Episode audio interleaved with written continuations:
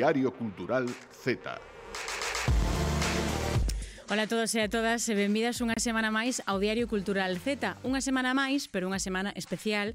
En primeiro lugar, porque o estamos grabando aínda no Nadal, nas datas do Nadal. E en segundo, porque esta servidora, Paula Cantelar, encantada para servirlles, como sempre. Está soa, Roberto, colleu unhas mini vacacións para poder pasar o Nadal coa súa familia, porque non son galegos e galegas todos e todas. Entón, pois estou aquí. Sinto moitísimo que me teñades que aguantar a min soa, pero é o que hai. Xa sabedes que eu cando estou soa. Encho o programa de convidados e convidadas, así que variedade sempre hai, pois hoxe especialmente vou a traer a un montón de xente que nos vai contar cousas chulísimas. Xa sabedes, como sempre, podedes escoitarnos na emisora da Radio Galega, na FM, no transistor de toda a vida, aínda que tamén estea en todos os dispositivos digitais, sábados e domingos, de dúas e media a tres, aínda que mm, estes fins de semana do Nadal estamos aumentando un pouquiño máis ese tempo cara ás tres e cuarto, tamén nos podes escoitar en todas as plataformas de audio, dende Spotify ata Apple Apple Podcast, tamén a páxina web oficial de Podcast da Galega, Radio mm, Galega Podcast.gal, creo que era, é que está tan acostumado Roberto a decilo que eu xa me olvido. Sí, Radio Galega Podcast.gal. Tamén no YouTube da TVG onde sabedes que podedes tamén vernos físicamente, ver este estudo maravilloso que temos e todas as persoas que pasan por aquí, podedes poñerlles ademais de voces caras. Tamén estamos no perfil oficial da Radio Galega en Instagram, que imos subindo pois un reels cada vez que temos un poquinho de tempo nesta atarexada vida de xornalista nesta redacción, uns reels que son fáciles de identificar son os únicos que facemos porque somos así moi apañados. Temos aí de fondo e de portada aos nosos colaboradores, ás nosas colaboradoras, a Roberto e a min, Ponceta en grande, son fáciles de identificar. Ademais, entrades aparece a sintonía e Ponceta en xigante. E despois, pois, todo é xuventude, divino tesouro. Claro que somos fáciles de identificar. Xa sabedes, estamos aquí sempre para falar de cultura feita por zetas, tamén cultura para zetas, xa anda que quizáis a fagan os millennials que sempre son moi ben recibidos nesta casa. E tamén sabedes que sempre somos Roberto e eu as que damos a cara pero aquí temos un equipo moi grande. Temos a Ángel González e a Mara Movimenta na produción temos a Bruno Area na técnica e na que tamén temos a Germán de vacacións. Aquí todo o mundo colle vacacións chicos. Eu a ver cando collo tamén uns diñas por, por aí. E tamén sabedes que sempre vos agradecemos que esteades ao outro lado que deixedes un comentario, unha mensaxe, un like nesos reels que, que vos comentamos que subimos en fotos, na nas historias. Que esteades ao outro lado para nós é un agasallo, non só no Nadal, senón tamén no resto do ano. Así que deixome de parrafada que hoxe temos un programa moi interesante por diante con un montón de talento, talento premiado eh, e un montón de cousas chulísimas que nos traen as colaboradoras, como sempre. Vamos a poñer un pouquiño de música. Pandeireta na baranda, pandeireta na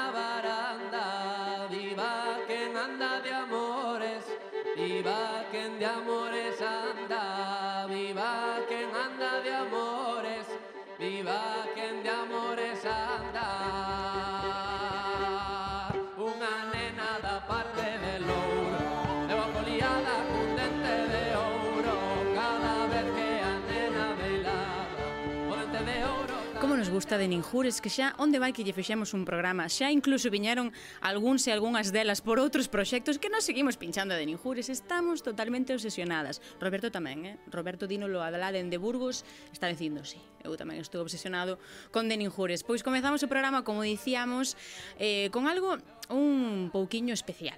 Porque claro, aquí estamos acostumados e acostumadas a que nos traian xa xente que por moito que sexa Z, xa ten un pouquiño de, de andadura non na arte ou na disciplina que fai sempre nos traen pois, Jesús Silva, por exemplo, xente que está pois, xa en proxectos como 360 curvas e demais, ou directores de, de fotografía dentro de, de produtos audiovisuais que xa teñen algo andado, aínda que non sexa moito, teñen algo andado. Pero é os premios, é os certames realmente poucas veces falamos diso, non? Trouxemos a Pablo Rañales, sí, que ven de, de gañar un premio por os, os afogados, unha das súas últimas obras, a nosa colaboradora Sica Romero tamén a trouxemos a ela mesma, a que nos trae as entrevistas, entrevistámola por ser premiada do Premio San Clemente de Literatura, pero hai moitas outras artes. En especial, Roberto, eu tiñamos moitas ganas, aínda que el non estea aquí, está sempre presente. Descansa en paz, Roberto, xa virás para a semana que ven. Sempre tiñamos aí a teima de é que non hai só expresión artística na música, tamén hai na moda.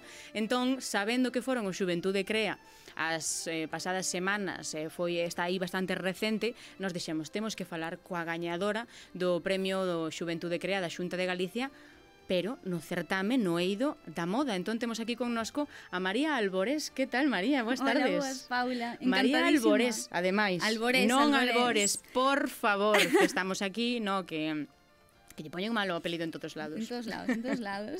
pois contanos, María, eres de Boiro, Exactamente. Ves de gañar o Xuventude Crea, pero non estabas en Galicia cando gañaches, conta, non, non exactamente. Andabas? Eu agora mismo estou cursando o terceiro curso na Royal Academy de, de Amberes, no departamento de moda, e, e xustamente cadrou que, claro, antes de, Navi de Nadal necesitamos estar ali pois ao pé do cañón A o sea, tope, facedes algo especial no, o no, sea, as entregas. As entregas, bueno, veñen agora despois de de o sea, en Xaneiro como uh -huh. como aquí, pero sí que realmente é unha universidade moi moi moi eh que nos que necesitamos realmente uh -huh. eh traballar moito e e eso, agora pois ahora estás aquí, ahora pero... aquí eh, disfrutando un pouco da familia, pero sin olvidar de todo que deixei eh, por facer. E que, é que tes que volver, Exactamente.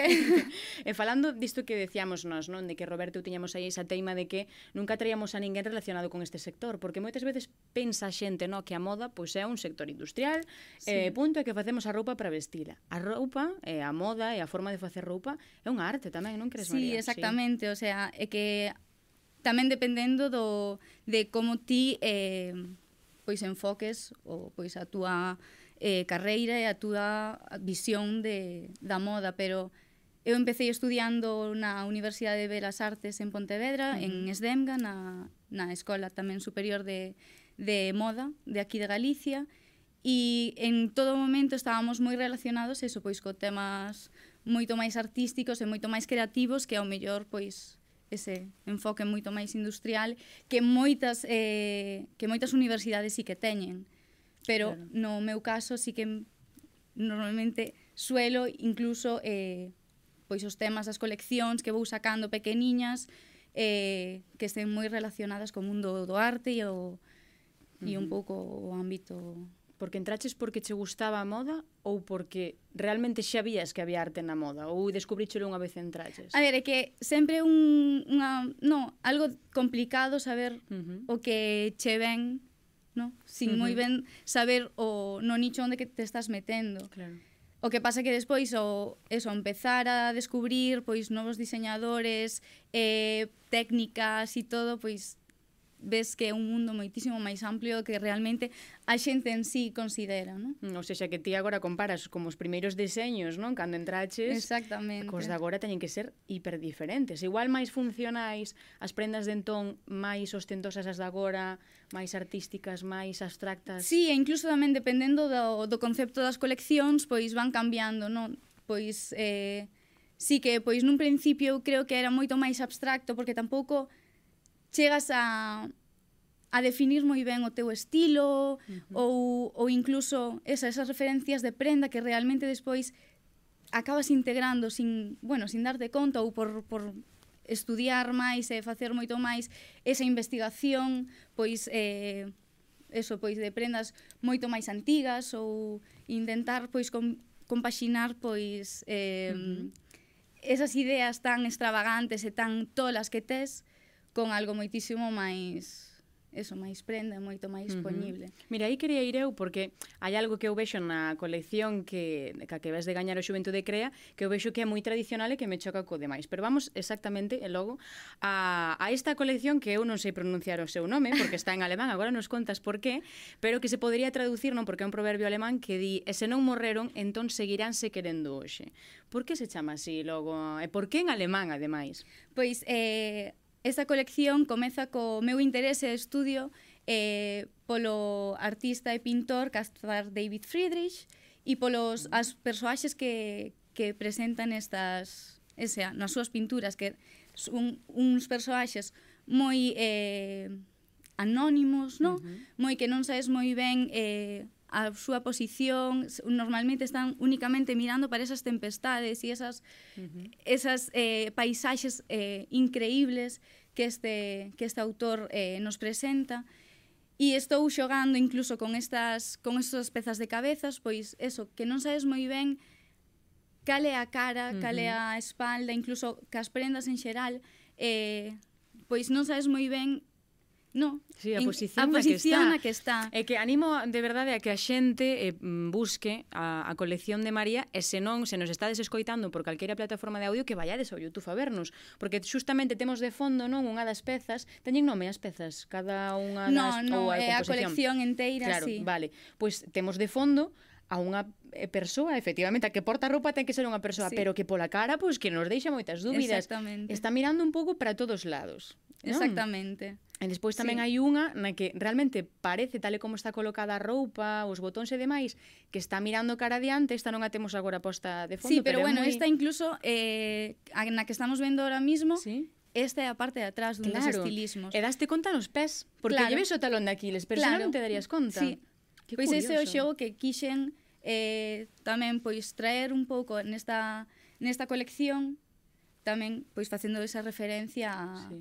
a esta artista alemán. Pero tamén vexo moito pano que de por exemplo de miña que miña bisaboa se poría. Exactamente, non? Na, o que agora mismo tamén traemos eh, no, no traxe tradicional galego, que mm. sempre me gusta nas coleccións, aínda que agora mesmo este fora, pois sempre ter esa referencia de onde son eu, non? Mm -hmm. Pero estes, eh, estes panos viñan eh, traíanos os soldados, sobre todo ingleses, eh, das expedicións que facían polo mundo e por, sí. bueno, por Cachemira e, e todos estos países moito máis exóticos, non? Esos eran panos que realmente luxosos. Uh -huh naqueles tempos. E ti todo o proceso, é dicir, estás só na parte de deseño, tes que confeccionar tamén as prendas, estás na parte de fotografía. Contanos realmente como foi, por tomar como exemplo, sí. a obra que acabas de gañar esta colección, contanos pois, como foi o proceso.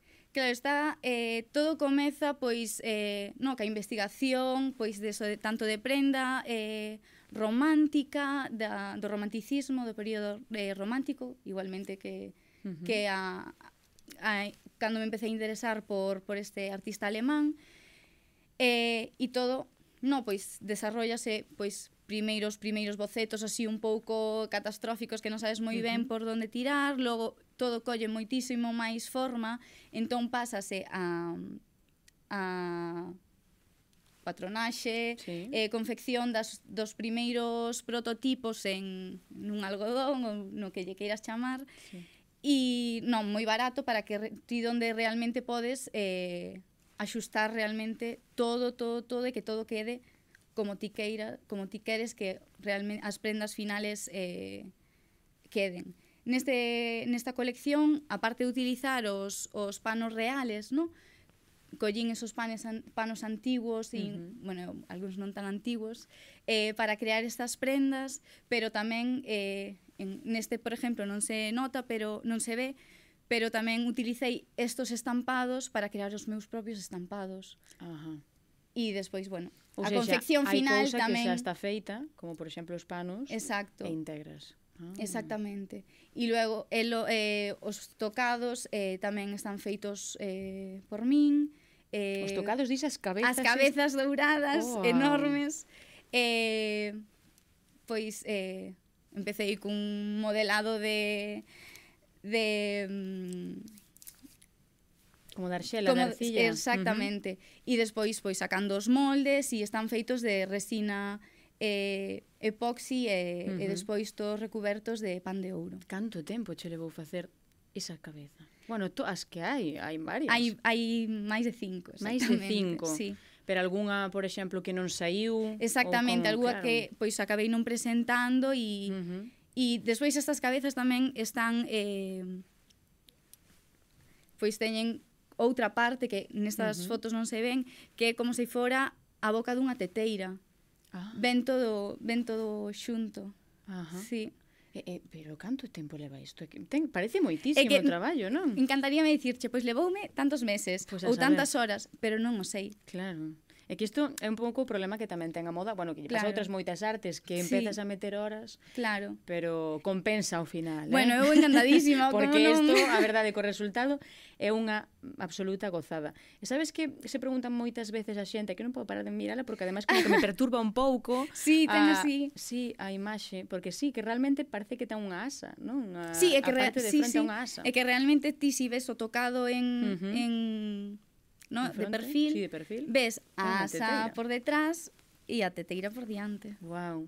E isto todo que é o, ao que iba, non? A pregunta que igual faría moita xente sobre a moda, que igual é unha catetada, pero esta roupa despois pon alguén ou non? Que a ver, con que esta estas, roupa? Estas prendas eh, non son prendas poñibles, é eh, basicamente polo custo que teñen. Isto é carísimo. Isto é extremadamente Exactamente. caro. Exactamente. Wow. Non podemos dar cifras. Non podemos dar cifras. Incalculable no, no, no. ou porque che, vamos, no, porque... che un, crevade, un crevadeiro de cabeza. Pero xa unha, os materiales utilizados en, en toda a colección uh -huh. son materiales, eh, bueno, non luxosos, pero bueno, que non son calquer tipo de... Uh -huh. Pois de tecido ou algo así que sí. podes atopar fácil, sinxelamente, hmm. por aquí. E, e despois é iso, as horas de traballo que leva. O sea, isto si se pon á venta, debería ser carísimo. Sí. Debería ser carísimo, así que normal moita que haxa moitas prendas. Claro, moita xente non o entende, pero mm. realmente tanto o valor artístico como o económico neste claro. neste caso sí que Hmm, debe ser altísimo. Sí. E fixéchelo en específico para o Xuventude Crea? Foi un traballo aparte que ti quixeches facer e despois presentar? Sí, ese traballo foi? pois forma parte dunha das coleccións que eu presentei eh, como proxecto na, na, na Universidade uh -huh. en, en Pontevedra, en, en Esdemga. Uh -huh. Isto, o sea, tuvo nota isto. Tuvo nota, tuvo nota. Tipo, unha nota altísima, non no, me nos digas. podemos queixar. Bueno, bueno, bueno, bueno. Ois, é que é complicado este mundo da, da moda, non? Ves que hai máis oportunidades fora ahora que estás a la... A ver, realmente, eh, aquí, sobre todo aquí en Galicia, a, a industria textil non nos podemos queixar. Uh -huh. eh, hai moitísima, moitísimos estudios máis pequenos e, e incluso que moitos aquí non realmente non son moi coñecidos, uh -huh. pero que de maneira internacional pois teñen moitísimo máis amplitude, máis eh, máis fans, por así decirlo, non? sí. Pero é que realmente o, o que eu dera o paso de poder e a suerte de poder estar estudiando en, en Amberes, pois realmente a min personalmente abreume moitísimas portas. Claro. E moitísimo eso unha proxección que tal vez desde aquí sería moito máis complicada, non imposible, uh -huh. pero moitísimo máis complicada de, sí. de acceder. E que barallas, quedar fora, volver para aquí... Cales son Boa as túas expectativas? Deixete levantar. a ver, gustaríame poder eh, no empezar pois uh -huh. a as miñas andainas pois en algunha empresa grande e poder aprender, o sea, poder ver o que está pasando porque sí que tuve a oportunidade de traballar e, e estar de prácticas en, en estudios máis pequenos, ainda que foran a nivel, eh, non a nivel eh, no noso país, uh -huh. pero sí que estuven facendo unhas prácticas en Londres, tuve a oportunidade de traballar uh -huh. cunha, cunha profesora miña estos dous veráns, ala en, en Bélxica, pero máis a nivel eh, no, internacional, uh -huh. Pero bueno, gustaríame poder meterme tamén un pouco non nes, nestas empresas grandes de ensoño de, de a ver o que pasa. Claro, pero de saber o que pasa. Hmm, pasa pero aí temos nada. entón esa diferencia, non, que que levamos arrastrando en toda a entrevista de a roupa que un se pon, non, a industria textil en sí, e despois todo isto que sería pasarela, expresión artística, ou xa hai eses dous sectores. E ti deses dous logo cal é o que no que te ves, no que no, cal che gusta. Entendo que probar ambos, sí, porque sí, ambos por su, que ter sí, a, a súa parte. Pois gustaríame ¿no? poder algo que, que realmente pudera no que me, me pudera expresar de, de esa maneira artística claro. e tamén poder chegar a, a estos pois, uh -huh. eh, pasarelas moito máis grandes. Porque digo en estas obras, ao final, non só buscas unha estética non de, de pues, chamar a atención uh -huh. ou que as cores sexan como a ti che gustan, senón que te, intentas transmitir unha mensaxe, por exemplo. Claro, que, que eso tamén depende moito da colección, non? Por exemplo, uh -huh. esta colección é moito máis centrada na, na estética, na estética claro. do romanticismo e, e ese, pois ter moito máis cuidado e ese, e ese como xenerar ese ambiente e esa e esa ese ensoño, ese mundo, uh -huh. pero sí que hai en outras coleccións que dependendo do eso do tema, pois cambia moitísimo o enfoque. Xa. O sea, xa gustache máis como abstracto, non? Digamos. Sí, so, sí. sí. Oh. E moitas veces é un pouco difícil de uh -huh. de expresar ou incluso de explicar. Porque claro, eu podo estar aquí contando eh, de sí. todo e se si non chegas a conectar, nunca o entenderás. Mm, claro, que é o que vemos realmente coa pintura, non que sempre temos esa imaxe de, claro. bueno, pois pues que igual me está intentando decir algo con isto ou non claro. o vexo, coa moda tamén pasa, claro. pero ti como te abstraes para crear estas cousas? Abstra... Eu sempre lle pregunto o mesmo, a xente podedes comprobar, ven, mira que veñen fotógrafas e fotógrafas así como experimentais, artistas, eu sempre lles pregunto, pero esa cousa tan abstracta que para ti tamén o é, como chegas a ela? Disocias ou como, como no, é ese pois, proceso? Dependendo de como te sintas nese momento, pois eu guíome moitísimo por polos sentimentos e por e por uh -huh. eso polo por como me sinto no en certos momentos, pois si é como moitas veces estás tamén un pouco perdida, non sabes moi ben eh, o que estás sentindo, moitas veces estás como moito máis tranquila ou un pouco nostálxica. Uh -huh. Por exemplo, a colección que estou na que estou traballando agora, eh, eu estou levo eh, dous anos e medio lonxe da casa, por así claro. decilo. Entón estou pois ese sentimento de nostalgia, ese sentimento uh -huh. de morriña. No, pero desa nostalgia bonita de, de estar aquí e de non de poder só vir cando podo vir, claro. Wow. Xa, xa, xa, claro. Oes, e as moscas e os bichos que tes aí unhas historias que a mí me chaman, no, de verdad, é unha experiencia, eh, entrar no perfil de Instagram de María Alborés, sí, sí. porque ti ves aí as, as historias, as destacadas super ordenadiñas. Pois aquí eh, o traballo, aquí o progreso, aquí pois pues, distintos sí. lugares e demais, pero ti entras no, do, no das cabezas Eu aí volvíme tola, digo, pero sí, que andaba sí. aí con bichos meténdonos nas... Pois, que é iso? Eso que fixeches pois, aí? Eh, outra colección, a miña colección final de, de da Escola de Pontevedra, de Pontevedra uh -huh. eh, e que, bueno, pois... Eh, Deu ser por experimentar. Sí, sí. no, está basada nun, nun escritor uh -huh. americano e, bueno, pois... Eh, Tamén leva unha especie de tocados similares a este. Uh -huh, de cabezas. De cabezas, eh, transparent, bueno, transparentes, translúcidas. E, e pois si xoguei cos insectos que non matei, por certo. Non estaban vivos, es, non, non estaban... estaban vivos, ningún estaba vivo. Foi durante Home, a, a, a cuarentena, entón ah. pois nos paseos co can atopaba de todo. Bueno. Bueno, gustame saber que non Por favor, non. non hai ningún asesino solta en Boiro. No, non, non, non. O que hai é unha grande artistaza que hoxe tivemos a sorte de ter connosco, María Alborés. Moitísimas Moitas grazas. gracias a ti. Eh, esperemos terte moitísimas máis veces aquí porque tes esos proxectos aí, ¿no? que nos acabas de decir que estás aí en proceso. Así que esperamos terte moitísimas máis veces e abrir pois esa porta cara a moda que moitas veces vemos como nada, pois a moda e os diseñadores son os que fan as chaquetas que que eu me poño. María, moitísimas grazas e nós temos que dar paso agora a Jesús Silva que nos trae tamén perfis do máis interesantes. Música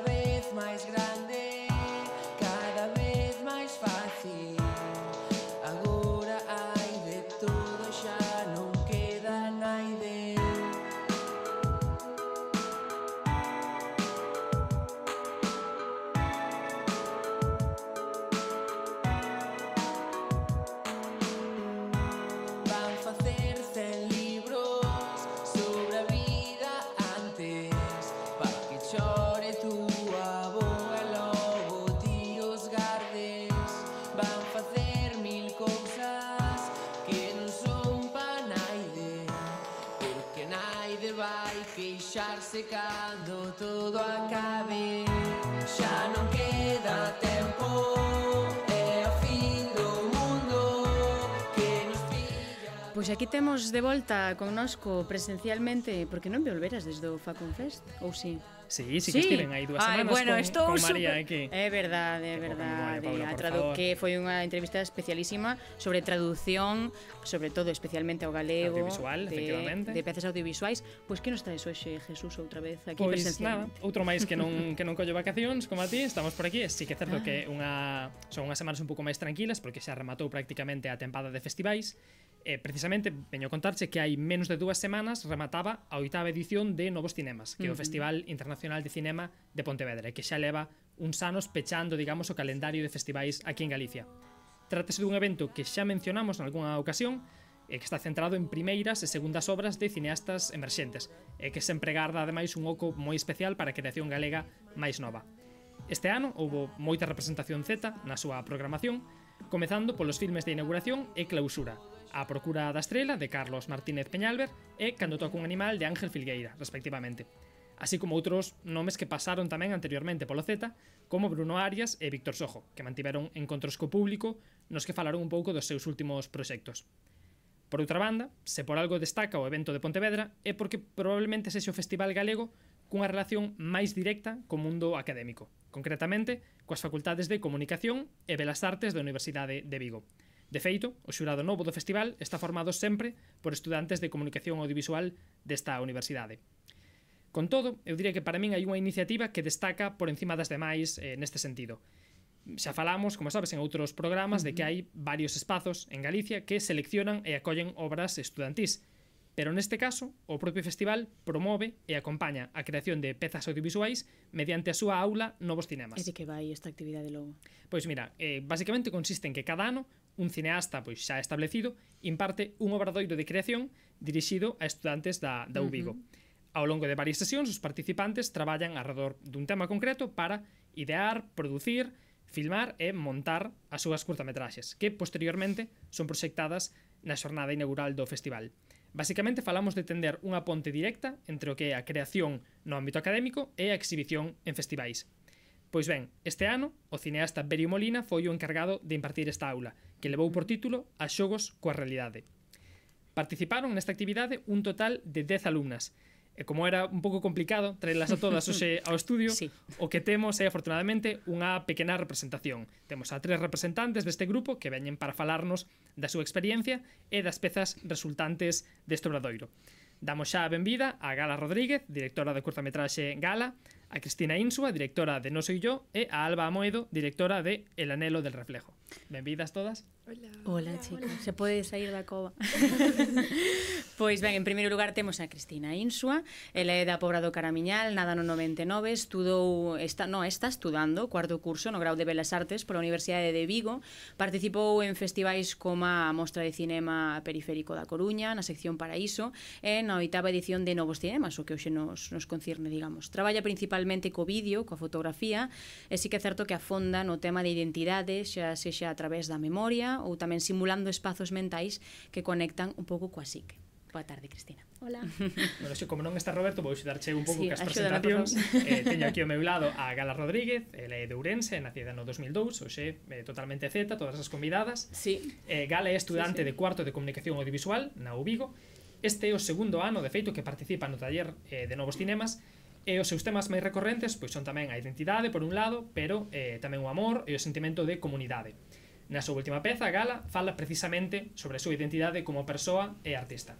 E por outra banda, e por último, temos a Alba Moedo, que é de Pontevedra tamén do 2002, tamén estuda Belas Artes, traballa mediante a ilustración, a fotografía, a escritura e o vídeo, vamos, un completo, e o seu traballo está moi ligado á escritura automática e á poesía. Nos seus vídeos, fotografías e ilustracións, gustalle traballar arredor dos temas da identidade tamén e do corpo e da alma. Boa tarde, Alba.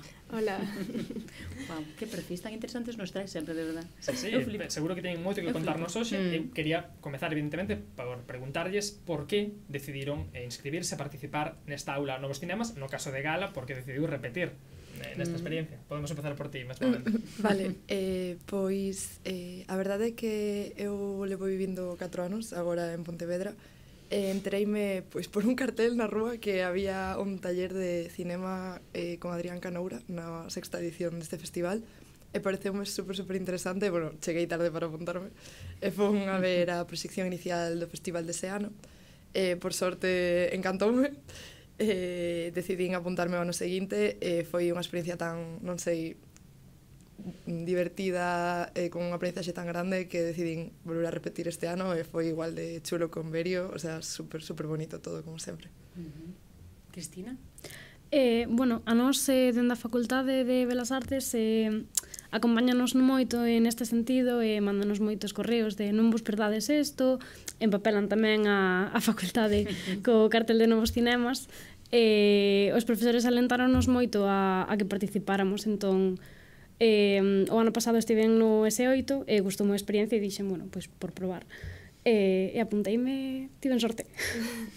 e Alba? Sí, pois un pouco mesmo. A verdade é que son oportunidades que dan así un pouco de medo en primeira instancia, ¿no? de presentar o teu traballo, ter uh -huh. uns plazos, pero despois sempre son como moi nutritivas e eh, eu creo que nós como art artistas que estamos comezando sempre temos que aproveitar e apuntarnos a todo o que podamos. Sí, a pasar dese síndrome da impostora que tanto temos. De verdade, sí. é que é que sempre é o mesmo, non? É que tiña moito medo, pois, pois moi sí, ben fixeste. Sí. sí. é un pouco o que comentabas, non? A xente mm. que, que ven normalmente aquí, a pesar de que está comezando, mm. incluso mm. as que están, pois, como o, o caso delas, aínda non no ámbito académico xa teñen eh, unha, unha experiencia claro. nese traballo. Eu quería preguntarles precisamente por iso, no? un pouco que nos falarades da vosa experiencia previa eh, coa creación audiovisual, tanto das belas artes como dende, dende a comunicación. Se podedes contarnos un pouquiño que estivechedes facendo estes anos nese, nese eido.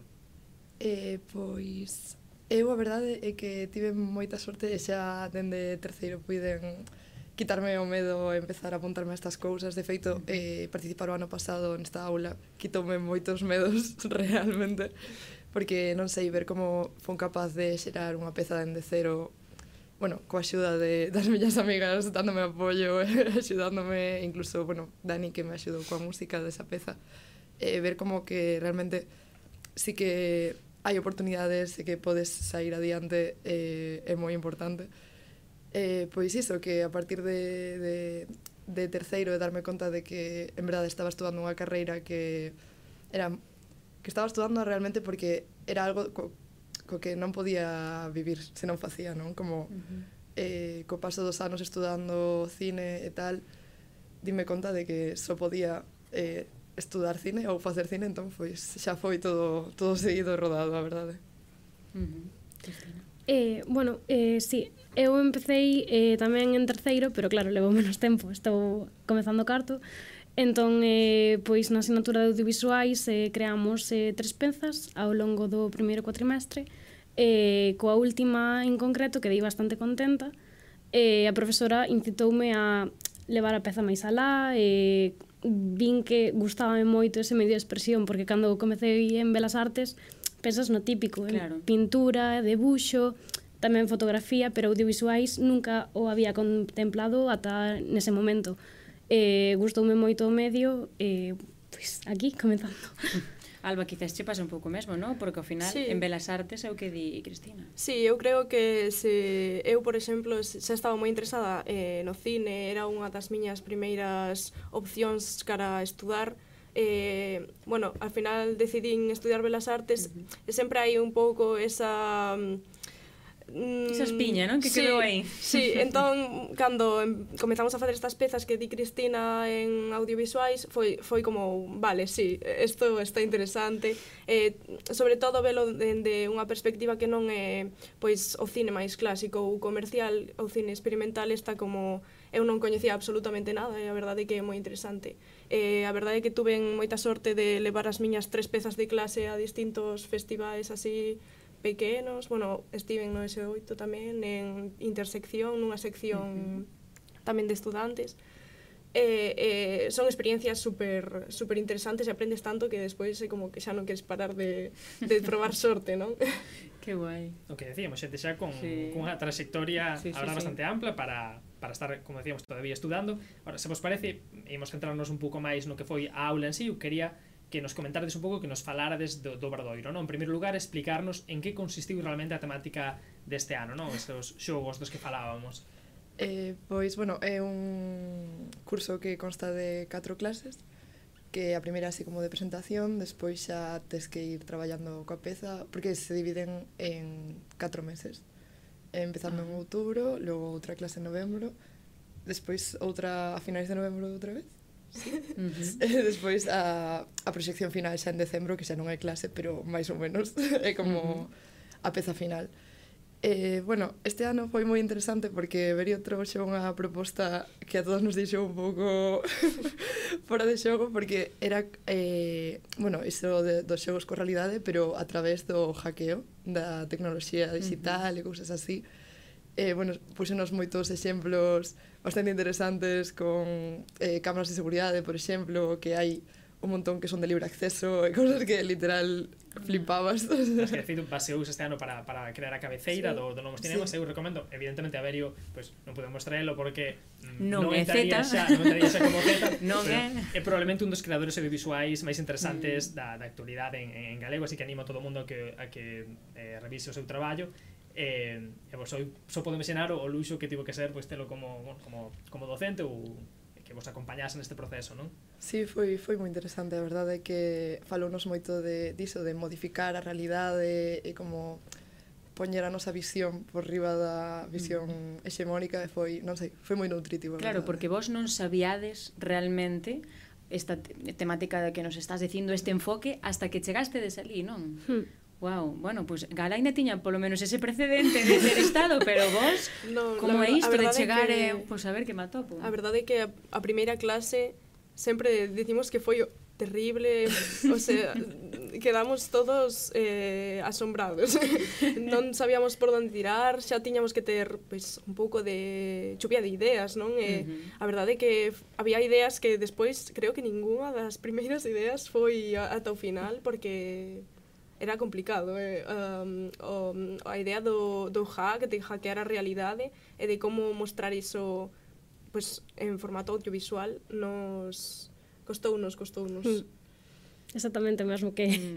que dixeron. Eh, para min foi incluso un pouquiño máis complicado porque eh, hai dez prazas só. So. Sí Eh, claro, eh, cando saíron as 10 prazas, eu non estaba entre, uh -huh. entre os seleccionados. E chamaronme xusto o día anterior, ás nove e media da noite, dicindo que quedaba unha praza vacante. Claro. Entón, eu cheguei sen ter nin idea de cal era a proposta, sen saber a que sitio tiña que ir, eh, sentíame moi perdida e costume un montón arrancar. Entón, esta proposta que é tan distinta, eh, que deixounos a todos así como que facemos agora? Eh, pois eh, é o que dixo Alba, estivemos eh, eh, el enseñou unos varios exemplos que mm, bebían moito da performance máis que do vídeo e puxamos eh, eh chove ideas toda a tarde, seguimos a gravar e foi moi nutritivo, pero pero sentimos eh, moi perdidos durante toda a clase en xeral. Mm. Con todo, evidentemente podemos decir xa a estas alturas que que o proceso foi un éxito, que conseguichedes eh, Pero o comezo foi un foron... pouco complicado. Eh, non o imos negar. Adoitan selo os procesos de, de aprendizaxe, sí. sobre todo en estes contextos artísticos, non? Entendo que unha montaña rusa un pouco a veces tamén de, de emocións, de atopar cal é o formato. Precisamente diso quería preguntarvos, non? Eh, que falemos xa das vosas pezas, deste resultado final. Eh, quería que, que poderes pues, presentarnos un pouco eh, o voso traballo, cal foi, digamos, a, a orixe, a inspiración do mesmo, non? E como evolucionou ao longo destas, destas catro sesións. Meñalba. Gala. Meñora ah, Alba. Vale. Gala xa comezou moito. Vale, pois, bueno, eh, a miña peza en particular eu eh, comecei intentando eh, traballar con sentimentos ou ver a idea de hackear a realidade dunha forma un pouco máis conceptual uh -huh. e non tan visual no vídeo. Eh, pero ao final... Mm, nunha tarde de reflexión sobre que é a realidade para min ou para min é importante como ter moitas conversas sobre a temática con outras persoas, sean artistas ou non, porque como facilítame moito eh, pois esa reflexión, que ao final para min foi eh, un pouco relacionada con, bueno, coas teorías de Lacan que falan da realidade, eh, baseime un pouco para ordear o vídeo en eso. Eh, basicamente o meu vídeo intenta animar ao espectador a, a, a reflexionar sobre o seu, a súa propia idea, sobre a realidade, pero despois, finalmente, basicamente, como decir, eh, vale, todo o que acabas de ver, estos cinco minutos de vídeo que estás intentando a, ao mellor entender a imaxe e co son, eh, e que simplemente son moito, moito texto ou frases un pouco abstractas eh, non é verdade eh, o vídeo non sirve para nada eh, de alguna forma o, o que eu intento dicir é que a real, o real está detrás das pantallas eh, bueno, algo así. Eh, tamén gustame máis que sexa pois, como un proceso máis reflexivo por parte por parte eso, do, do que mira e que teña pois, a súa propia opinión sobre o que significa. Cada un que pense o que claro. lle suscita. Uh -huh. Cristina? Eh, bueno, eh, eu comecei tamén pensando, eh, reflexionando sobre a realidade e a irrealidade. Eh, o meu vídeo é eh, máis un espazo mental.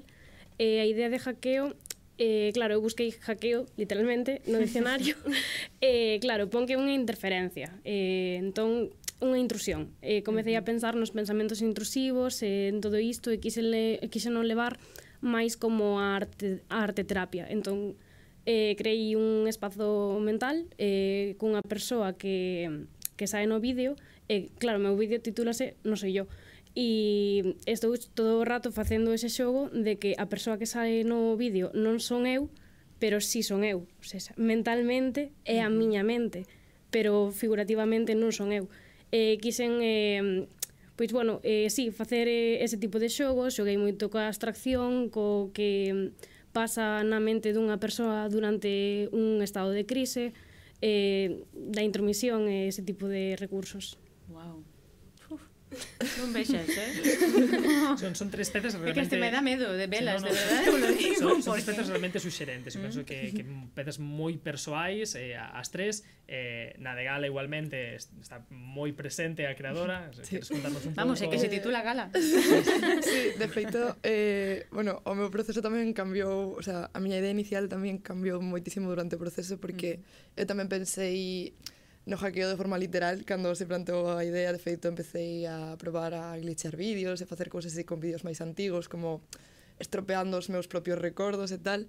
Pero entón parei porque, bueno, tomo o ordenador e dixen, vale, vamos a pensar un pouco sí, vamos a pensar un pouco porque aquí está pasando algo que non me está gustando.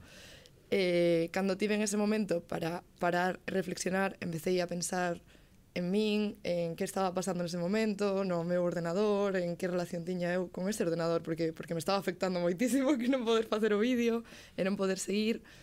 E acabei iso pensando en min, ne, bueno, de feito chamase Gala porque o meu nome é artístico, por eso uh -huh. tal.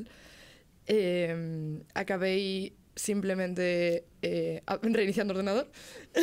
Reiniciándote ti. Poñendo as notas, eh, empezando a escribir casi de maneira automática eh, sobre min, sobre o que pensaba sobre min e como estaba realmente cambiando a miña realidade en base á miña propia percepción, a meu a miña propia persoa estaba facendo un cambio na realidade e eh, o meu ordenador tamén porque era a miña forma de expresalo. Eh, bueno, vai por aí a, a cousa en plan eh, como me represento a mí misma, como é eh, o proceso de mm, hackear a realidade para que os demais te perciban da maneira que ti necesitas ou queres, eh, bueno, máis ou menos. Eu teño curiosidade por, por saber eh, como foi eh, finalmente esa xornada de proxección, ¿no? esa gran presentación das curtas. Non sei, de feito, se tivera de esa oportunidade de ver os traballos das outras compañeiras, se, se os descubrichedes no momento, como foi eh, ese peche do, do Bradoiro.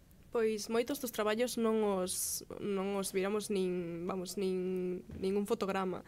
Eh, a verdade é que para nós tamén foi como descubrir os traballos dos demais. Eh, a min personalmente encántame como non ver nada, bueno, gustame poder axudar no proceso de creación dos demais porque sinto que tamén algo super importante do taller eh, que aporta un montón, pero pero sí que a verdade é que foi como estábamos todos moi nerviosos, pero quedaron pezas como moi distintas, eh, moi interesantes todas, cada unha co, coa súa propia visión do, bueno, da proposta e estuvo moi ben, a verdade. Sí, tamén resultou moi interesante que aínda que moitos partíamos eh, da mesma premisa de entender o hackeo e a realidade dunha maneira moi similar, ningún vídeo parece. Sí, parece, claro. claro entón, eh, tamén foi moi bonito que na última clase eh, fixamos como eh, el eh, resolveunos moitas dudas de algún recurso, non? Eh, o profesor Berio, e logo eh, na seguinte parte da clase eh, puxemos eh, os que estábamos eh, naquela clase as pezas en común. Eh, moi bonito ver como estaba eh, 15 días antes de, do estreo a peza e como rematou, porque algunhas deron un cambio increíble. Mm. Wow. Sí, eh, para min é moi importante participar, como dixo Alba, nos procesos dos compañeiros, porque jo, o máis bonito de estar 10 persoas aí traballando xuntas e poder axudarse. Uh -huh. Pero a min encantoume, eh, é que para min as proxeccións sempre son un día moi bonito. Uh -huh. encantoume sentarme e eh, sentirme como tan orgullosa de todos os traballos, de ver como todos conseguimos sacalo diante, cos máis, cos máis e cos menos que pasan sempre nos procesos, pero non sei, ver como todos puxemos tanto empeño nas pezas e que quedaran tan chulas e velas nunha pantalla tan grande foi, foi moi bonito. Sí. Hmm. Wow. E que que fermosa esta iniciativa, non? De que podíades traballar todos e todas en conxunto sobre unha idea da que pois en inicio non tiñades moito coñecemento. Que chulada. E onde as podemos ver? Eso me pregunto eu agora, porque claro, a hmm. proxección xa foi, pero vos que ides facer agora con esta peza? Pois aí está Suso, o director, non? Eh, movendo as pezas para axudarnos, que tamén é como moi especial e moi importante. Eh, agradecerse, a verdade. Sus, Susano Vaso, o director sí. programador de Novos Cinemas, que efectivamente acompaña tamén, eh, non, é, non é titor no Obradoiro, pero acompaña todo este proceso e que seguro que vai intentar atoparlle un oco a estas pezas en outros festivais ata que poidamos finalmente, o que non poida velas en, en eventos, que poidan velas en aberto. De verdade, animamos a todos a que, a que lle boten un ollo web do festival para, para que se faga unha idea dos traballos e que poidan seguilos nestes meses. Pois moitísimas grazas, compañeiras, moitísimas grazas, Jesús, volvemos a vernos e esperamos volver a vervos a vos, que ainda que esteades estudando, xa vemos que aí hai moito traballo detrás, moitísimos sí. proxectos que están por aí, eh, nosos talentos non xa os collemos e xa lles poñemos prácticamente unha cita para que volvan. moitísimas grazas, Cristina, Alba e Gala por estar aquí. Gracias. Gracias. gracias.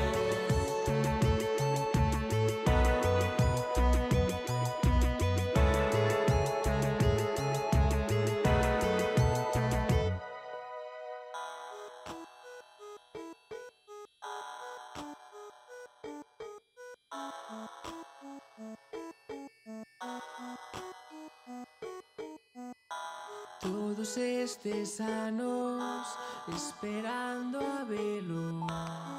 E agora é o futuro, agora todo é gratis. Cada vez máis grande, cada vez máis fácil.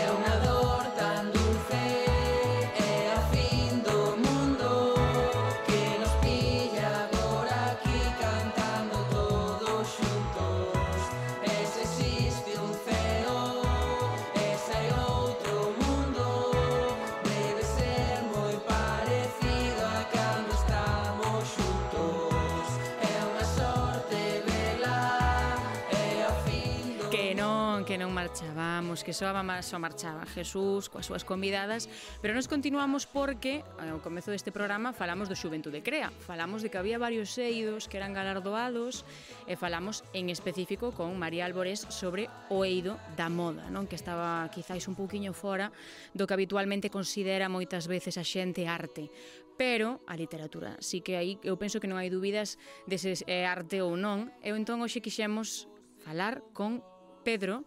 Pedro Rodríguez eh, Villar é o gañador do Xuventude Crea, o primeiro premiado deste galardón da Xunta de Galicia en novela curta temos connosco a Pedro. Boa tarde, Pedro. Hola, boa tarde. De Nigrán, non, Pedro? De Nigrán, sí. De Nigrán para todo o mundo, porque xa vou comezar a entrevista polo revés. Cando imos poder ler A lenda néboa que é a novela coa que foches galardoado? É dicir, vaise publicar nunha editorial? Pois mira, eh, chamaronme a semana pasada de Serais, ¡Ah! Así ilusión. Que, sí, moita ilusión. Podemos dicir isto aquí en primicia, en pri... sí, eu supoño que sí, porque o anunciaron tamén o día do premio, pero xa chamaronme de Serais, eh, en principio parece ser que para o ano que ven, para logo de verán estará, uh -huh. xa, para presentar pero a lenda neboa está escrita. Por está iso, escrita, efectivamente, sí. por iso gañou. Vamos a ler unha sinopse. Se che parece vale. bona facer eu, eu sei, home, claro, quen coñece mellor a, a novela que ti, que es quen a escribiches. Bueno. Pero a ver, que opinas de como eu che describo? Temos unha persoa, non, que pasa por unha depresión e en, quere suicidarse, chamase Mario, é un dos nosos protagonistas, non? Entón, inme, ves inmerso nun programa innovador do que ninguén que vai a ler a novela fa, escoitou falar antes, que é un programa como para que alguén che do Zoe, felicidade, non? E aí aparece Lucky, Lucky, como lle chamamos? Lucky, lucky sí, claro, como unha persoa sortuda, sí. efectivamente que está ambientado en Vigo todo isto, non? Toda sí. esta asociación de doazón está en Vigo.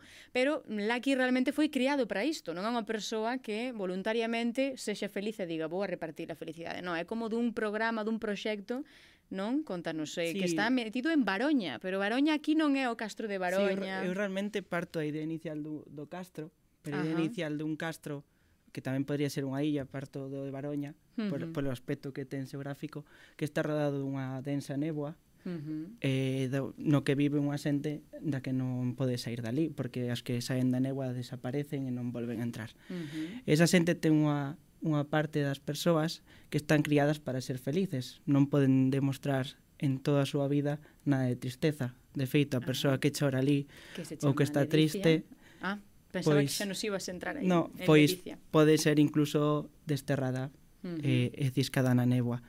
E aí está a nosa protagonista Ledicia, que é unha desas persoas que está criada para ser feliz. Esas persoas teñen un cometido que é logo sair da néboa por uns con un barco que vaña a buscar que veles pensan que son os deuses, uh -huh. chegan a Vigo e ali fan o proceso de dar a súa felicidade a cambio de acoller a depresión dun suposto Deus, que ao final non dice ser unha persoa como a nós. Claro, aquí a mí meñeme moitas preguntas que igual eh, que están dentro do moito da abstracción, hmm. é dicir, que fan coa depresión que collen? Se xa nos imos a... Sí, que, que pasa con esa depresión? Realmente a idea é que a depresión pasa a esa persoa. Claro. Entón, é un pouco a, a historia como quero reflexionar sobre a tristeza e a felicidade. Uh -huh. Que pasa can, que nos pasa a nós cando atopamos unha depresión, un problema de saúde mental para o que non estamos preparados, pois eh, desfainos, non? Uh -huh. Pois esta é un pouco a idea, unha persoa que se criou para ser feliz co cometido de darlle a soflía de un deus, en teoría, pois de repente recibe unha depresión. E aquí está o outro lado do sistema, eh? e que esas persoas son levadas a uns centros nos que se, se invita a desaparecer, a, a suicidarse, wow. que é un pouco como evoluciona a historia. Entón, reflexiono sobre a tristeza e a felicidade, pois cunha persoa que sempre foi feliz e recibe a tristeza e unha persoa que está moi triste eh, supeto atópase cunha unha felicidade que non é del. Uh -huh. Entón, podemos aceptar esa felicidade? Non, é un pouco que Hai como un intercambio, efectivamente. Sí. E como xorde esta idea? Pois a verdade é, é que eu, a hora de crear, son un pouco visceral, digamos, non, non, non sabería dicir, non é unha idea planificada, uh -huh. senón que a mí me gusta me botarme a andar, botarme a escribir e al final cousas que beso moito na miña vida cotiá, pois tamén saen e pouco foi pouco foise creando esta historia que empeza esta historia empecé empeceina con ese proceso de como sería a través dunha tecnoloxía recibir alegría e dar a túa tristeza a outra persoa e dende aí par, pois, parte esta historia. Claro, porque hai unha, unha frase dunha sinopse que da sinopse que intercambiamos que di tenta solucionar un grave problema de saúde mental cunha tecnoloxía utópica que agocha varios segredos e injustizas que provocan moita. Donde está esa tecnoloxía na, na obra logo? Claro, esa tecnoloxía realmente... Este intercambio. Sí, realmente, ademais, é o intercambio que faise en un diván, como podría ser o dun psicólogo, ah. no que se toman os dous un, unha brevase e logo a través dunha cadea que se poñen cada un na, na man, pois son capaces de transmitirse esas emocións. No libro, ademais, eu sempre trato a depresión como un polvo que vai saindo do, uh -huh. do peito das persoas, porque un pouco a ansiedade, a tristeza, un pouco que nos fai sentir no peito, non? Cando nos uh -huh. aprisiona. Entón sería como traspaso a través deste sistema dun corpo a outro. Ou seja, nesta obra realmente hai fantasía por esta forma non de tratar mm. os sentimentos, pero despois moita realidade, porque todos sabemos onde está a asociación, porque esta, esta asociación de intercambio está en Vigo, sí, realmente claro. está ambientado nun lugar coñecido. Mm. E a final, realmente, do que se fala, é eh, de algo cotiá, no que mm, nos pasa claro. a todos, e realmente tamén se está ubicado nunha zona real que é Vigo, tamén se pois máis lugares de Galicia, uh pero realmente a fantasía é algo que tampouco nos queda tan longe, non? Sería posible traspasar a tristeza e felicidade, ao mellor dun tempo sí ou non, non sei, pero sí que pasa con outras bens que parecen ser que son de todos e ao final quedan para uns ou outros, uh -huh. non? É un pouco insusto o sistema. Entón tamén un pouco reflexiono sobre se tivemos este posibilidade sería susto, sería insusto, ti que estarías disposta ah. para dar a túa para perder esa tristeza, non? E Aí veo con esa pregunta que, que lle lanzas ti aos lectores. Sí, a que estarías ti disposto, Pedro, a facer? Non sei. Eh, eu creo para desligarte da tristeza. Sí, eh, eu, eu quero pensar que que nunca estaría disposto a pasar por riba de ninguén para isto, pero sí que estou disposto a, a un pouco polo que eu escribo, non? a lanzarme a escribir tamén como ese método de catarse que nos axuda a liberarnos de emocións que no meu caso pois son moi boas e tamén son moi malas o proceso é duro é moi bonito a súa vez. Uh -huh. E Pedro, como comezas a, a escribir esta novela? Fai moito tempo? Non, Quizás levas anos confeccionando, até meses, contanos. Non, esta novela, pois mira, sorde o ano o ano pasado, bueno, febreiro do ano pasado, dicen, voume poñer a, a escribir uh -huh. esto, porque tamén tiña pensado que había este premio e tal. Uh eh, -huh. E a verdad que foi un proceso moi veloz, que o compasinei con outras cousas e en dous meses máis ou menos estaba ese proxecto, xa, a novela estaba escrita e logo pois repasei un pouco, presenteina e, e mira, E aquí estás. Sí, que, sobre, que a verdade é que xa o digo, xa o dicen mil grazas a, ao xurado que, que me deu a oportunidade de que lle gustou porque ao final están facendo realidade o soño dun, dun neno que uh -huh. empezou a escribir, pois eso, grazas a, aos soños de súa avó, sempre o digo. Ah, aí iba eu. Iba eu a dúas cousas, a dous temiñas. O primeiro é, efectivamente, sobre teu avó, sei que é moi especial para ti, hmm. non sei se tivo moito que ver en que comeza, comezaras a escribir sí, ou noutros eu, aspectos que agora se deixan pegados. Eu penso que, que eu son así, en parte, pois, por suposto, a toda a miña familia, esas persoas que nos atopamos son importantes, pero o meu avó está nun, nunha posición privilexiada.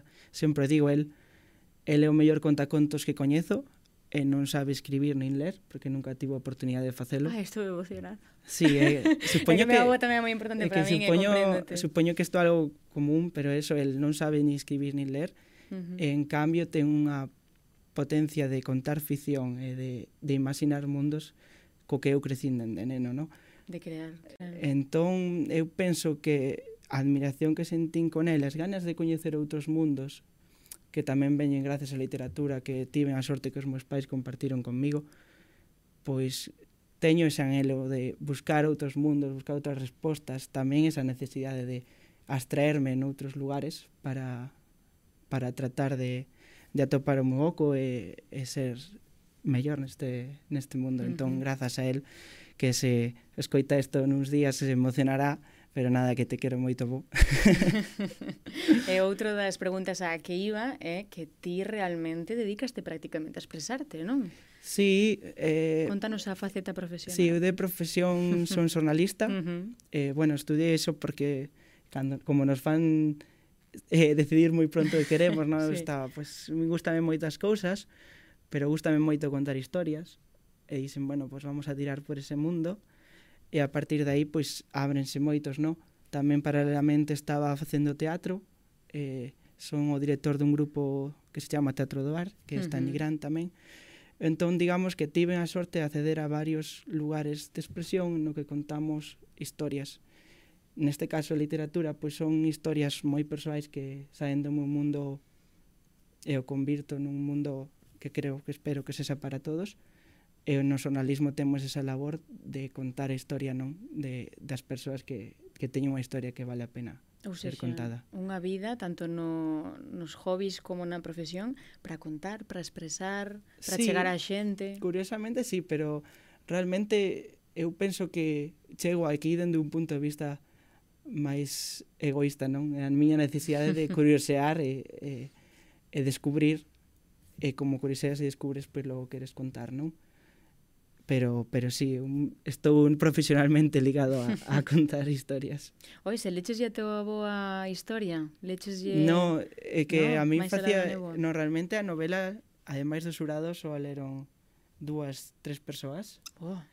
Porque realmente a min o que me facía ilusión sí que son, teño un proceso moi tóxico co que escribo e crítico e, e realmente é moi, moi difícil ensinalo, pero bueno, ahora entón quería, bueno, se ensino unha novela ao meu avó, quero que realmente persoas que saben que estou insusto pola miña parte, pero digan que vale a pena, non? Entón agora estou desesando coller o libro e, e lerlo, sí.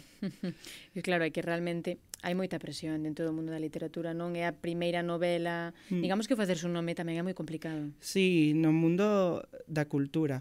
Eu sempre digo que que hai dous, dous dificultades, dúas dificultades. A principal para min son, son tamén eu mismo, en parte, uh -huh. porque eso, son moi tóxico que escribo e logo tamén é difícil conciliar a vida cultural, literaria, que é un proceso moi solitario con, co que te xixe un pouco a sociedade, non de dese horario de 8 horas, de traballar, eu teño tamén o grupo de teatro que tamén leva moitas horas, e tamén non hai que esquecer que que eu escribo e, e fago estes proxectos porque seres queridos meus pois perden horas comigo, non? Porque eu faga isto. É un proceso solitario nese sentido e logo é un mundo que, bueno, é un mundo complicado. Todos, moita xente como a min soña con poder adicarse a isto e, e poder vivir, polo menos eu, convivir desto sería xa un soño. Entón, claro, hai moita xente que ten este soño, moitas ilusións comuns, entón atopar ese oquiño É difícil, non? Pero como sempre me dicía meu avó, como fixo el sempre, non? Pouquiño a pouco e, e sen perder a ilusión. Así me gusta. Que eso.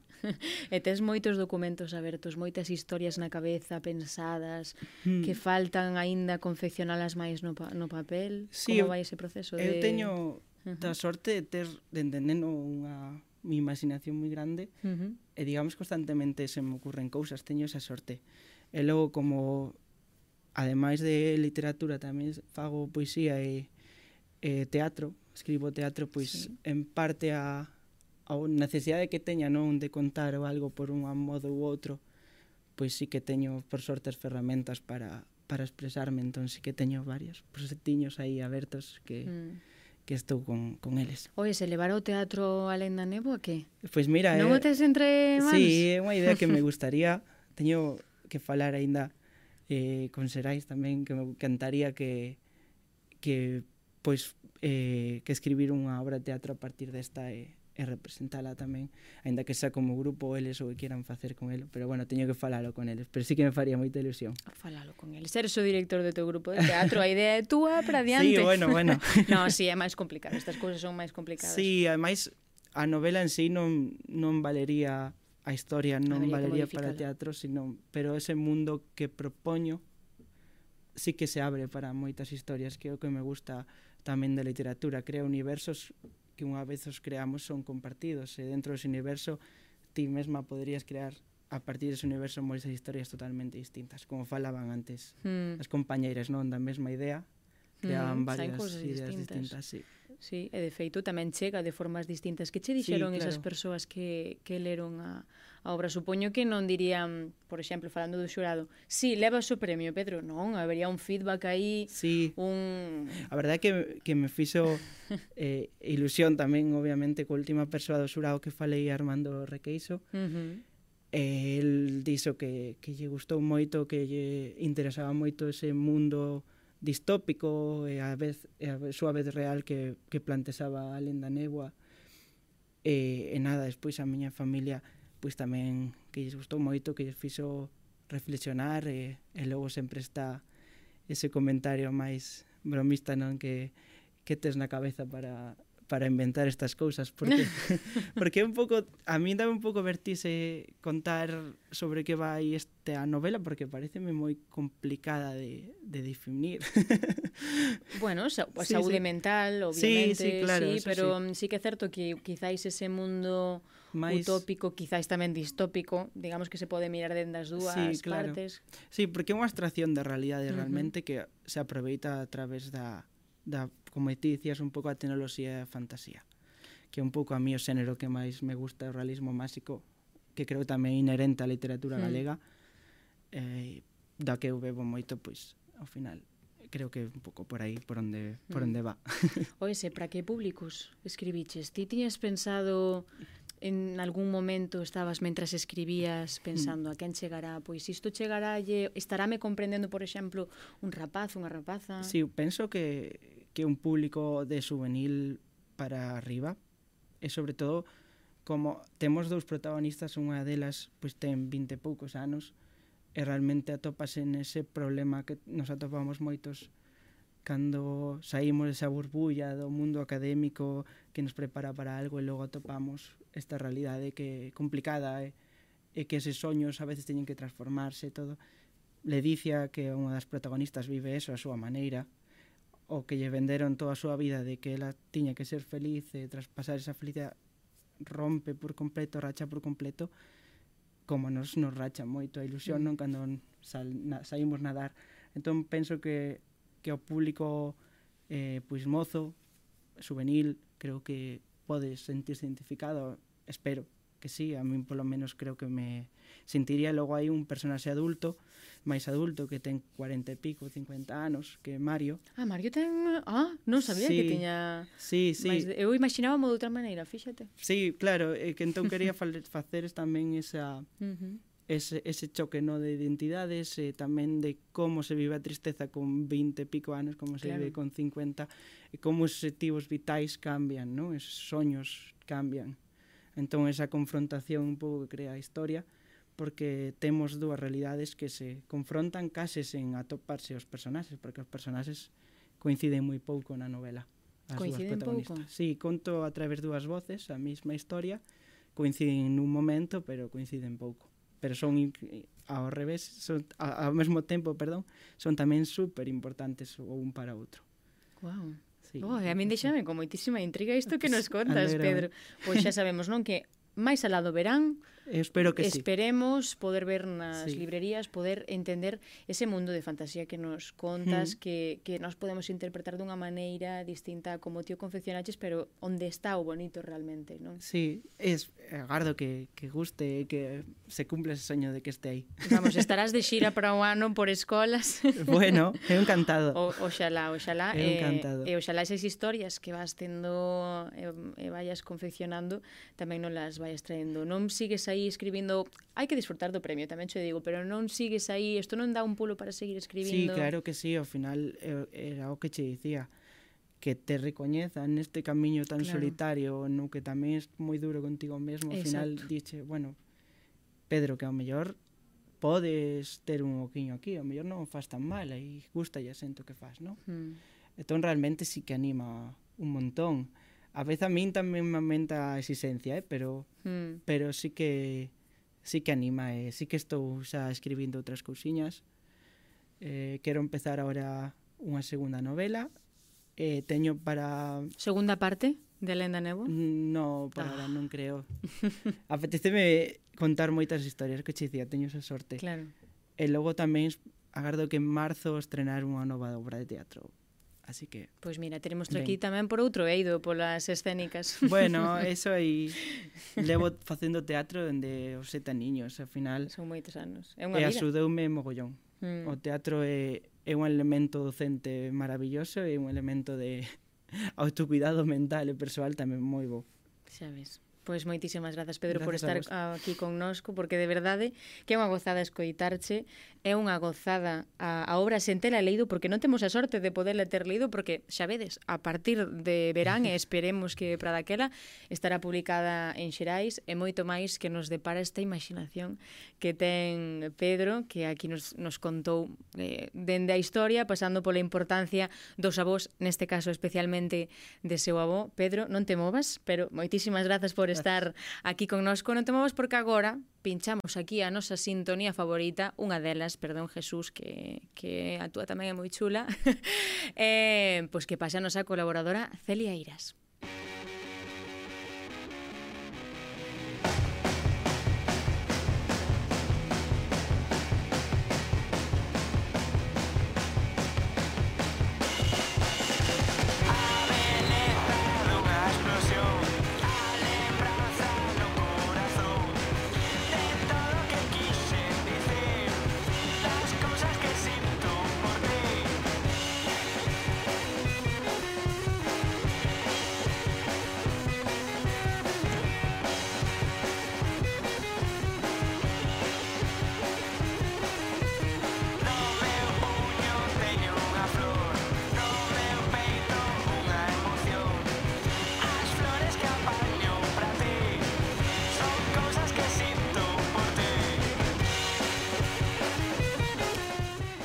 Pois por aquí xa temos a Celia Eiras. Celia, que tal? Como estás? Bueno, aquí andamos, disfrutando das vacacións forzadas. Que vacacións? Que vacacións, Celia, se estamos aquí sentadiñas é porque estamos É verdade, é verdade, tens razón. En fin, que nos traes hoxe? Contanos. Bueno, pois hoxe, con motivo das festas de Nadal, traio unha escolma de panxoliñas, uh -huh. cancións con temática de Nadal, se si se quere, feitas por grupos galegos actuais. Non sei se si tú nestas festas oitas escoitar sí. música, algo máis alá de María Carey. Iba che decir que o 1 de decembro xa me poño María Carey, pero non, non, non, tamén me poño Jingle Bells, tamén me poño as cancións. A min encanta má canción que sacaron os rapaces e rapazas a para TVG, que Ajá. non é por barrer para casa nin nada, non me pagan por dicir isto, pero está moi ben é esa, canción. esa canción. Está moi guai. Está moi moi ben. Eso xa non a traio. Ah, Pero, a dos das rapantes tamén me gusta. Esa escuitámola despois. Pero sei que hai moitos máis grupos que estiveron sacando e que nos uh -huh. traeste hoxe. ¿no? Bueno, teño unha mestura de novas bellas. Uh -huh. A primeira que traio é unha canción de Esposa e de Pantis que foi publicada en 2017 nun álbum recopilatorio de panxoliñas feitas por bandas galegas actuais. Bueno, foi hace, uh -huh. fai seis anos, pero bueno. Aquí temos eh, Belo Horizonte.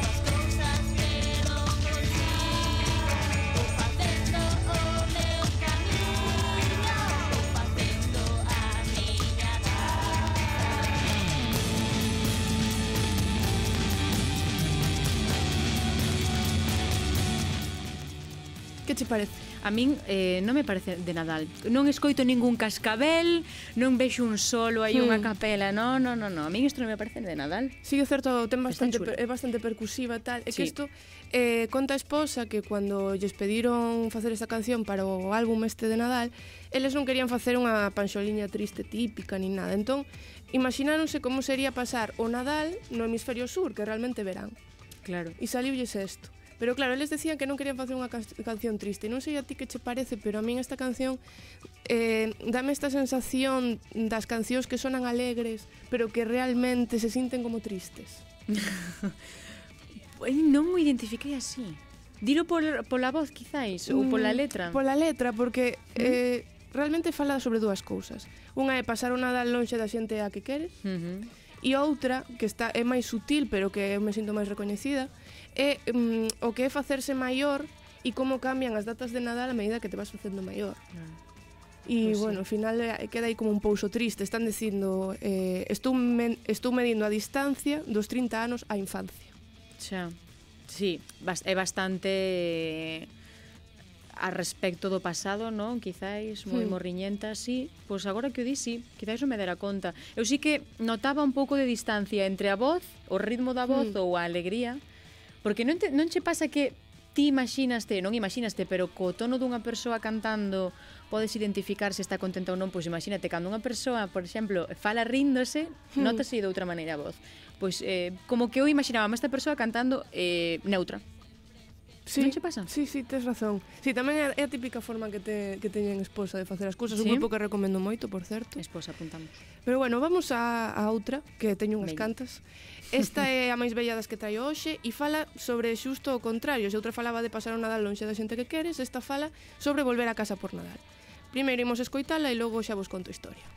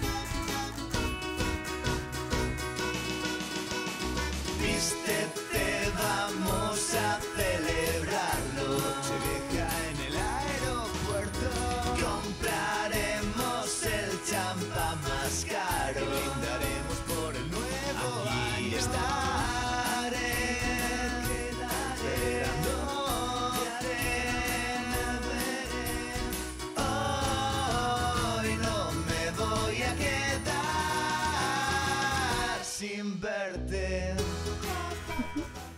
Esta xa é máis Esta sí. navideña. E eh, estábame fixando, digo, creo que polos coros hmm. e polos alargar aí as notas moitísimo, como que sí que identificaba aí eses soliños. Hmm. Hmm. Pois pues mira, esta é unha canción que se chama Nochevieja en el aeropuerto, é de 2009 de un grupo ferrolano que se chama Todo o largo verano, e é o primeiro corte dun EP que sacaron eh, eh, que estaba grabado xusta, bueno, un EP de Nadal, uh -huh. as catro cancións son de Nadal, e eh, se fixo para agasallar nestas datas, porque podo contarche unha historia brevemente, sí, claro. moi rapidamente. Ou oh, oh, eh, que sempre sempre me, me encanta contar esta historia porque me parece unha das iniciativas máis bonitas que houve na música en Galicia. Eh, na década dos 2000, en Ferrol eh, formouse un colectivo que se chamaba la Fonográfica General, que organizaban festas un, que tú ibas con un precio simbólico, pois pues a entrada costaría igual 3, 5 euros. E entón ali tocaban grupos e os cartos eh, que, que se recolectaban en cada festa utilizábanse para gravar e producir un, un EP en físico dun dos grupos que tocaban. Uh -huh. E entón, eh, pois este grupo todo o largo verano tocou nunha festa, gravaron este EP e eh, unha festa que se celebrou esa, ese Nadal de 2009, pois regalouse a todos os asistentes da seguinte festa. Oh, mira. E a mí me encanta oh. esta iniciativa. No, está chulo, está moi chulo. Pois non coñecía este grupo.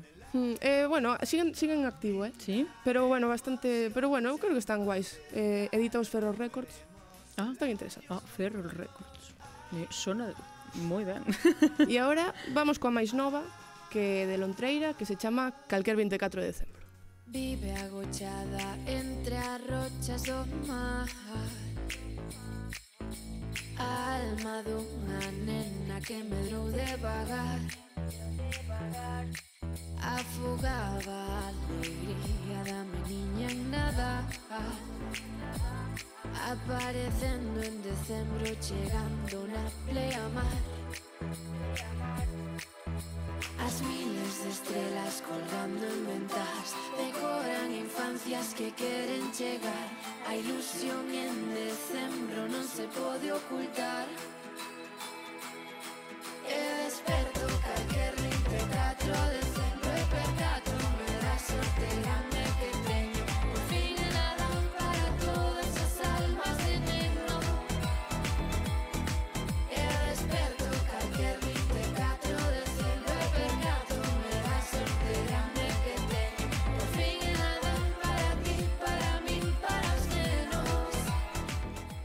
Pois esta canción de Lontreira publicouse hai apenas dúas semaniñas, foi para esta tempada mm. de Nadal. E non sei a ti que che parece, bueno, eh, creo que realmente creo que é bastante obvia temática, é sobre sí. mm, Es como ten campanas. Ten, sí, tin, sí, tin, sí. tin, tin, sí. Sí, sí, as moi, campanas son moi de Nadal. As campanas mm. son a sinal de identidade do Nadal, sí que se lle nota por iso. E, bueno, fala un pouco, eu creo, sobre ser maior pero ter alma de neno. Hmm, ter a ilusión, hmm. non? Tú, tú tes ilusión, polo Eu moitísima, sí, pero sí que é certo que, volvendo a unha das primeiras que poñamos, que co paso dos anos, non me pasa ilusión, pero pareceme que ten outra forma o Nadal, non? Pois eso, mm. traballas ou xa unha vez entras á universidade hai que estudar, xa non son as, os nadais tan libres, e quizáis me acaban o 31 a min os nadais agora en vez dos 6 ou 7, non? Como que se vai acurtando un pouquiño. Mm, pois Dentro duns anos será só o 24, como din aquí lo entreira do sobre o 24. Eu teño bueno. que decir que son un pouco grincha, verdad? Oh. E aquí estou... E ven traer panxoreñas de eh, Nadal. Sí, bueno... Eh, hai que, hai que, Así hai que darlle todo. Eh, o sea, o Nadal non me gusta moito, pero as cancións de Nadal sí porque son cancións. E punto. O sea, gustache todo. Está. todo que se cante, vamos, póñome aquí un día a cantar. Eu tiña pensado facer unha panxoliña, pero bueno, non teño tempo. Unha panxoliña dedicada ao Diario Cultural Z. Sinto, voto así a primicia porque realmente non hai primicia, non saco nada. Pero eu si cantase eso, a ti xa solamente che gustaría porque pues pois canto, sí. non? Porque é música. Bueno, si me gusta. Xa sabedes, non seades músicos porque as críticas de Celia Eires van a ser gústame porque é música. Agora ben, isto fatal, isto. non, non, non. No. Vamos a deixar de meternos con Celia. Continúa. bueno, agora traio o que penso que é dos clásicos modernos o máis clásico das panxoliñas de Nadal en galego que é Panxoliña de Amor R5 de Familia Camaño.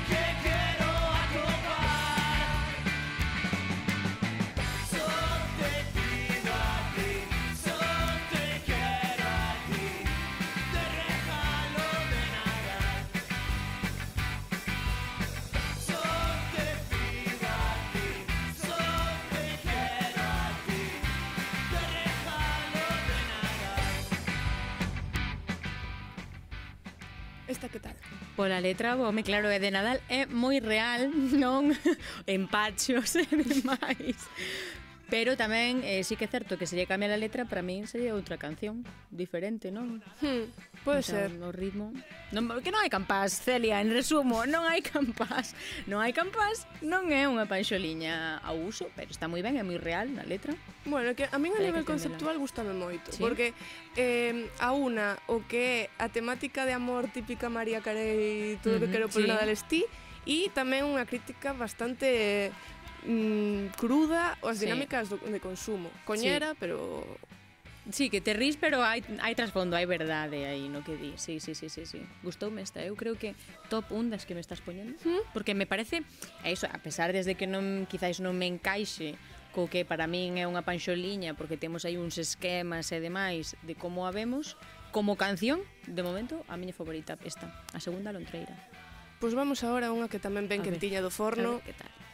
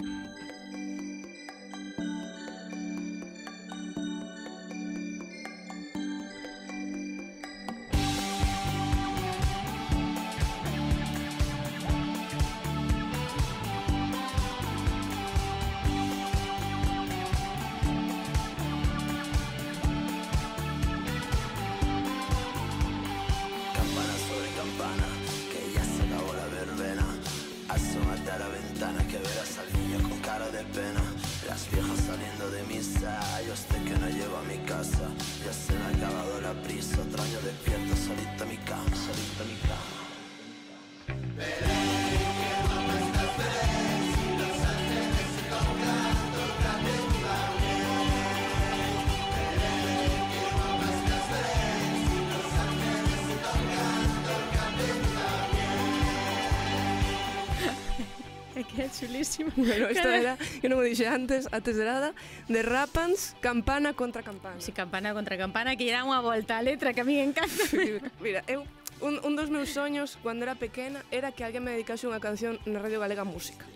Entón, Moncho eh, lemos dedicou? Non, non, era un soño e ninguén me dedicou ah. nunca. Entón, hoxe quero dedicar o meu espacio para dedicarlle esta canción a todas as Beléns da miña vida que son unhas cantas e están todas guapísimas. Pois pues a subiría aí a música Beléns.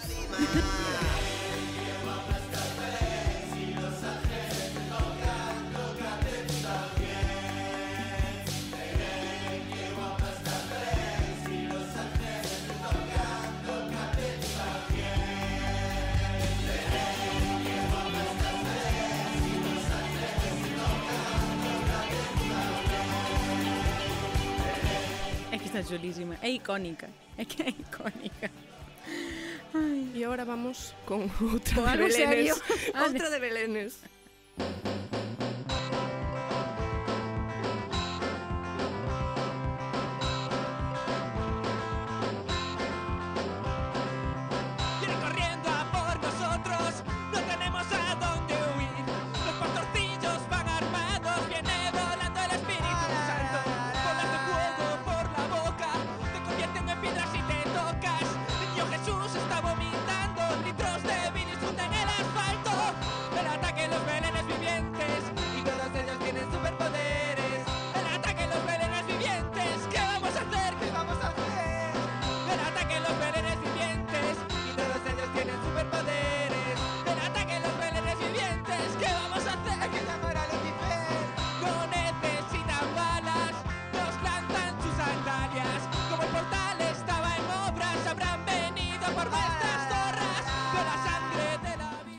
Bueno, esta é unha canción chamada El ataque de los belenes vivientes de Alarido Mongólico. Wow. non sei que que é mellor o nome do grupo ou da canción. Como ves a calidade de audio magnífica? Sí. Dalle un toque, eh? Bueno, Lofi... Non navideño, pero dalle un toque. Esta canción, a topeina rebuscando por aí, está no, no volume 2 de Galicia en Bizarre do ano 2012 e gustame moito porque, como grinch que son, o Nadal síntese un pouco así, a verdad, apocalíptico. Está moi chula, eh? Top 5, creo, das de hoxe. De momento, qual é a que máis te vai gustando? Eh, uf, é que a dos das rapantes. Eu creo que a miña favorita é dos rapantes. Sí. E a segunda xa non me acordo de que andixera. A de Familia Camaño. A de Familia Camaño e a terceira Lontreira. Bueno, pois pues agora vou traer outra tamén un pouco descoñecida que é dun grupo vigués chamado Seda e creo que o título xa o ides deducir vos.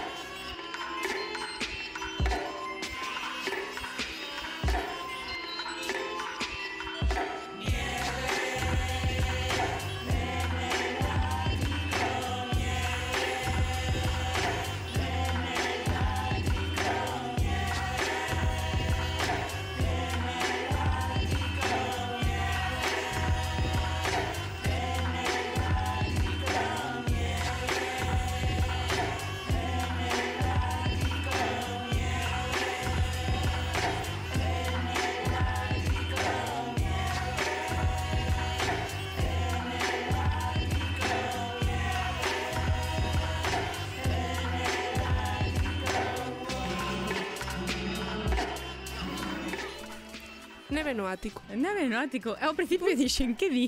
Pero da igual, é eh, que xa a sétima xe me dei conta. No, que a mí me encanta esta canción. Pero non atopaches isto. Pois pues mira, é que este é un grupo seda que a mí me flipa, porque Eh, Sigue tocando. A Unión, no, xa no, no, están inactivos. É Unión de para min tres dos grandísimos exponentes a día de hoxe da escena musical viguesa, que son mm, Brais de Mundo Prestigio, Óscar dun grupo chamado Dois, que me encanta, e Nelo, que é pálida. Entón, xuntaron os tres e fixeron isto. Neve no ático. Vamos, que nevaba en Vigo ese día. Eh, sí, nas luces. Eh, o, o videoclip está grabado nas luces de Vigo, de feito. Ah, entón, é recente a canción. É do 2020, creo. Bueno, cando xa empezaba esta tolemia das luces, non? Mm. Pois eu penso. Pois quedei moi contenta, eh? Con hmm. esta... Tes algo máis? Teño Hai máis? unha máis. Ai, Dios xa, meu Deus, xa estou nerviosa. a sección. Estou nerviosa xa, vale. E ademais quería pechar cunha canción que eh, é parte do que probablemente sexa o meu disco favorito da historia da música galega, que é o disco vermello da que, de Ataques Campe Ah. E mm, é unha canción que se chama Horas Extra e que nos sitúa nun restaurante asiático uh -huh. no que o protagonista eh, da canción busca refuxo despois de estragarlle o Nadal aos seus pais. E, bueno, eh, eh, como podes ver, un pouco triste, pode sí, ser. Sí. Pero, bueno, despois de tanta felicidade, gustaríame pechar con unha canción así máis emocional, porque tamén hai moita xente que Nadal, pola razón que sexa, non o pasa ben. entonces pois, quero dedicarlle a toda esa xente que non tedes por que estar felices tampouco todo o tempo. Exactamente.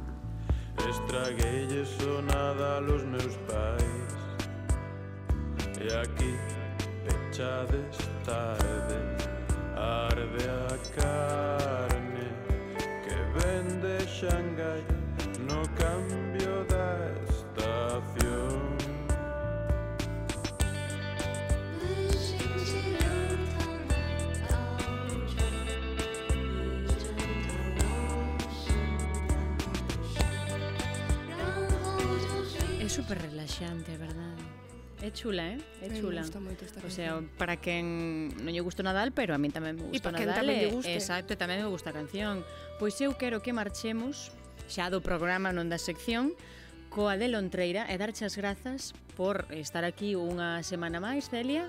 Moi feliz Nadal, ainda que non che guste disfruta con estas cancións, disfruta coas cancións que xa vimos hoxe que che gusta a música por ser música, así que sigue disfrutando da música como faz. É o meu desexo para ti para o 2024. e a todos vós, o meu desexo é que sigades connosco para a semana seguinte, a seguinte, a seguinte e todas as que haxa. Moitísimas grazas a todos e a todas por estar unha semana máis. Vive agochada entre as rochas do mar Alma de una nena que me dio de vagar. Afogaba alegría, dame niña en nada. Apareciendo en diciembre, llegando una pleamar.